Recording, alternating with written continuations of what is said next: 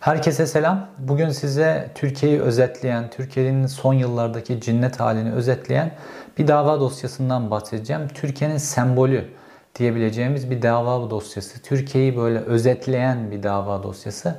Çünkü son yıllardaki Türkiye'deki meydana gelen her türlü cinnet hali nasıl olmuşsa bu dava dosyasının içerisine girmiş ve iki tane küçük kız çocuğunun hayatı karartılmış. Bu dava dosyasının içerisinde AKP var, AKP il başkanı var, Yargıtay var, Ağır Ceza Mahkemesi var, e, FETÖ muhabbeti var, Zeytin Dalı Harekatı var, orada şehit düşen bir yüzbaşı var ve en sonunda iki tane kız çocuğunu taciz etmekten mahkum olmuş ama tereyağından kıl çeker gibi bu dosyadan kurtarılmış bir adam, toplumun içerisine sarılmış, salınmış bir çocuk sapkını var. Türkiye'nin özeti bir dava dosyasıyla karşınızdayım.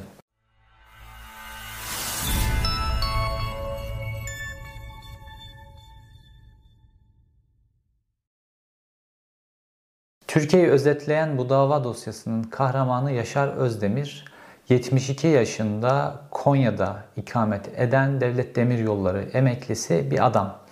Ve biri 11 yaşında, biri 14 yaşında iki kız çocuğunu taciz etmekten dolayı hakkında 2017 yılında suç duyurusunda bulunuluyor. Ve Konya 1. Ağır Ceza Mahkemesi tarafından 2017'de tutuklanıyor. Ve 2018'inin 31 Mayıs 2018'de hakkında 16 yıl 8 ay hapis cezası veriliyor. Normalde e, bir kız çocuğunu taciz etmekten 10 yıl, diğerini taciz etmekten 10 yıl alıyor. Fakat iyi halden dolayı bunlar düşürülüyor ve 8 e, ay 4 ay 8 ay 8 yıl 4 ay 8 yıl 4 ay olmak üzere toplamda 16 yıl 8 ay hapis cezasına çarptırılıyor ve dava dosyası istinaf mahkemesine gidiyor. İstinaf mahkemesi de dava dosyasını inceliyor. Dava dosyasında deliller var, bilirkişi raporu var, uzman psikolog raporu var. Uzman psikolog eşliğinde iki kız çocuğunun alınmış ifadeleri var. Şahitler var, ses kaydı var, o var, bu var. Bütün deliller e, son derece sabit. Dolayısıyla da Konya Ağır Ceza Mahkemesi hükmünü e, e, oluşturmuş ve istinaf mahkemesi de aynı şekilde bunlarla inceliyor bu dava dosyasındaki belgeleri ve işte çocuklarda kaygı bozukluğu, uykusuzluk, dikkat dağınıklığı, travma gibi devam eden ve tedavi olmaya devam ettikleri sorunlar da var. Bunlarla ilgili doktor raporları da var.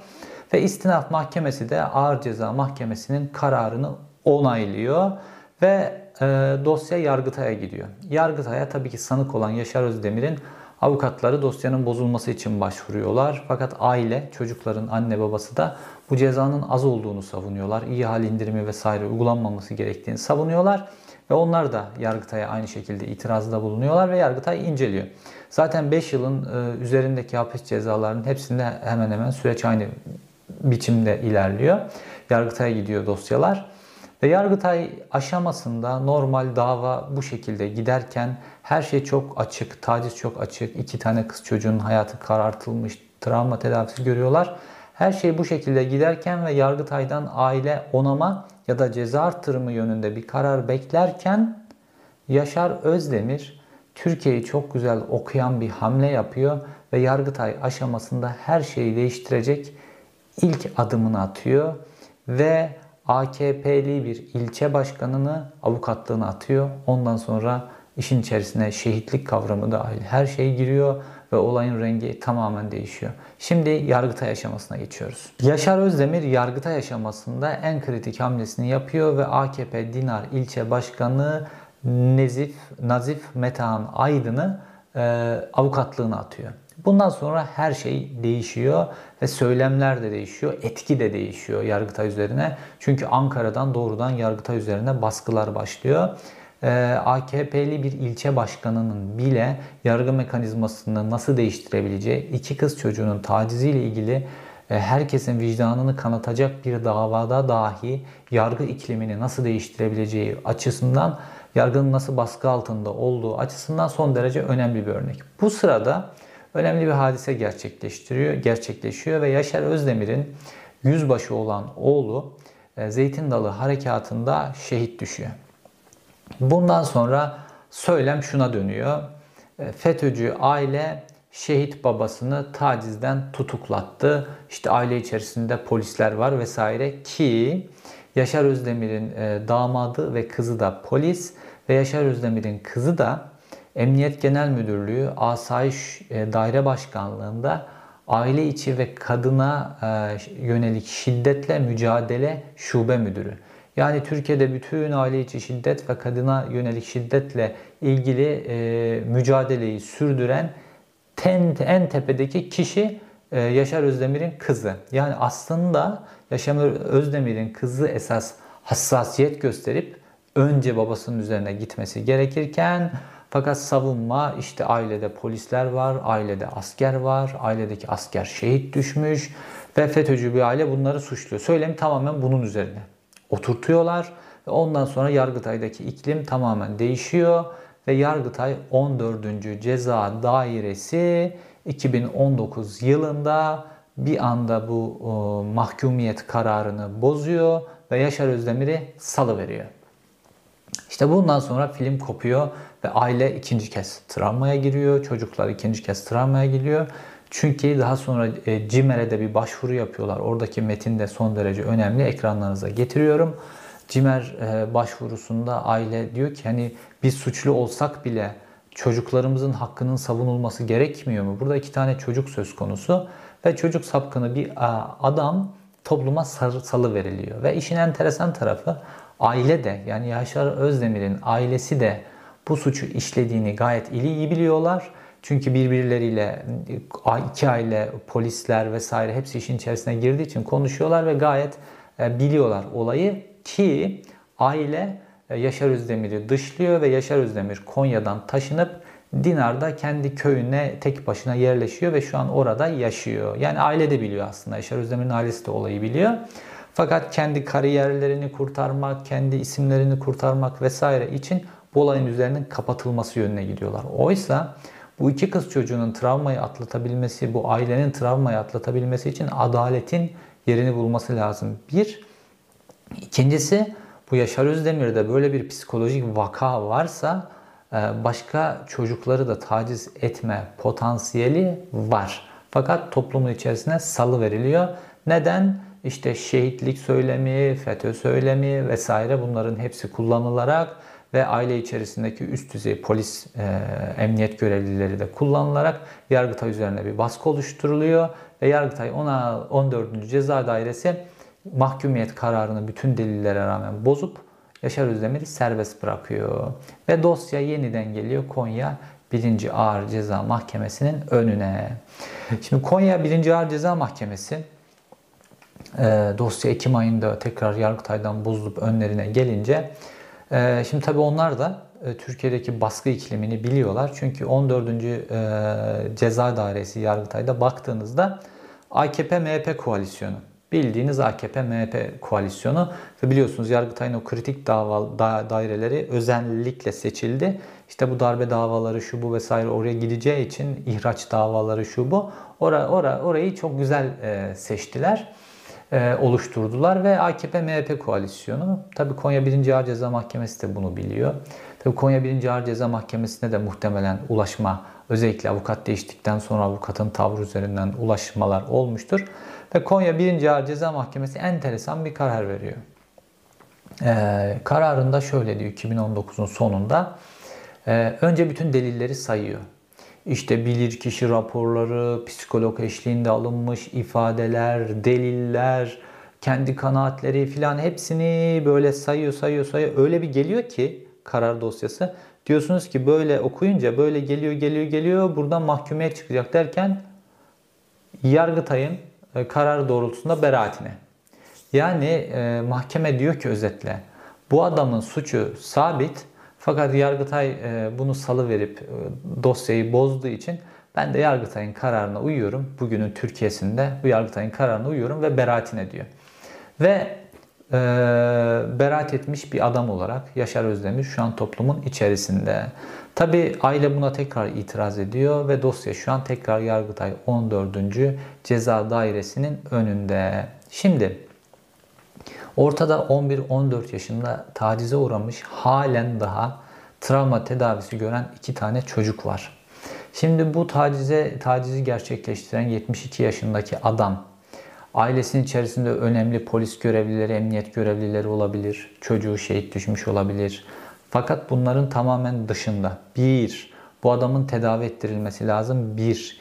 iki bu adamın bu kız çocuklarına e, yaptığı tekrarlı tacizden dolayı bunların detaylarına girmiyorum. Dava dosyasında bunların e, her türlü detay var ama bunlar önemli değil. Bunun bir bedelini ödemesi lazım. Bu çocukların adalet duygusunun tatmin edilmesi lazım. Ee, ve bu çocukların hayata güven içerisinde bakabilmeleri için bu adaletin tesis edilmeleri lazım. Fakat bu kız çocukları hala yaşlı birisini gördükleri zaman tedirgin oluyorlar. Ee, ve arkalarında bu adalet duygusunu destekleyecek bir sistem, bir düzen de görmüyorlar. Aile o çocukların yaralarını sarabilmek için uğraşıyor. Fakat Yargıtay'daki ta Yargıtay noktasına kadar gitmiş bu tecrübeli hakimler işte bu AKP e, ilçe başkanının Ankara'daki e, düzeneğini kullanarak yaptığı baskı, işte şehit söylemi, işte FETÖ söylemi vesaire bunların hepsini kullanarak bu adamı toplumun içerisine salıverdi. Şimdi bu tip bir adam o Yargıtay e, üyelerinden birisinin çocuğunu, torununu da taciz edebilirdi. Onun başına da gelebilirdi.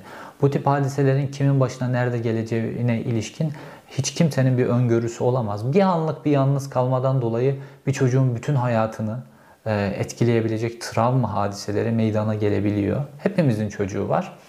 Ve burada adaleti dönüp oradan bekliyorsunuz. Ve bu konuda bile yani başka bir sürü konular var. AKP'nin yolsuzluklarının kapatılmasından tutun işte bu 15 Temmuz'dan sonraki yargılamalar, Kürtlere yönelik yargılamalar, siyasi yargılamalar, CHP'lilere yönelik şeyler, HDP'lilere yönelik şeyler.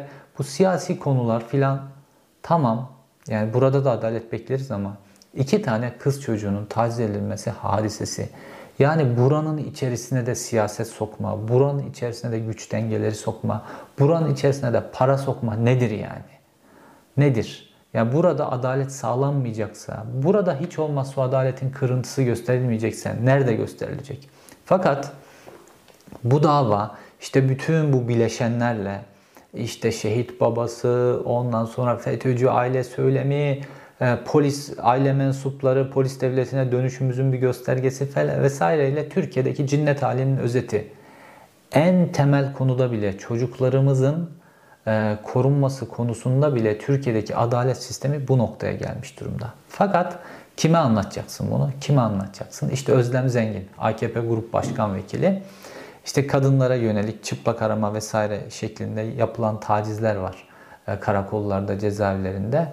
Ve çıkıp diyor ki mecliste hiç utanmadan işte bu kadınlar böyle bir tacize uğramışlarsa e, onurlu kadın, ahlaklı kadın e, şikayet etmek için bir sene iki sene beklemez hemen şikayet eder. Bir kadını çıplak arayacaksın.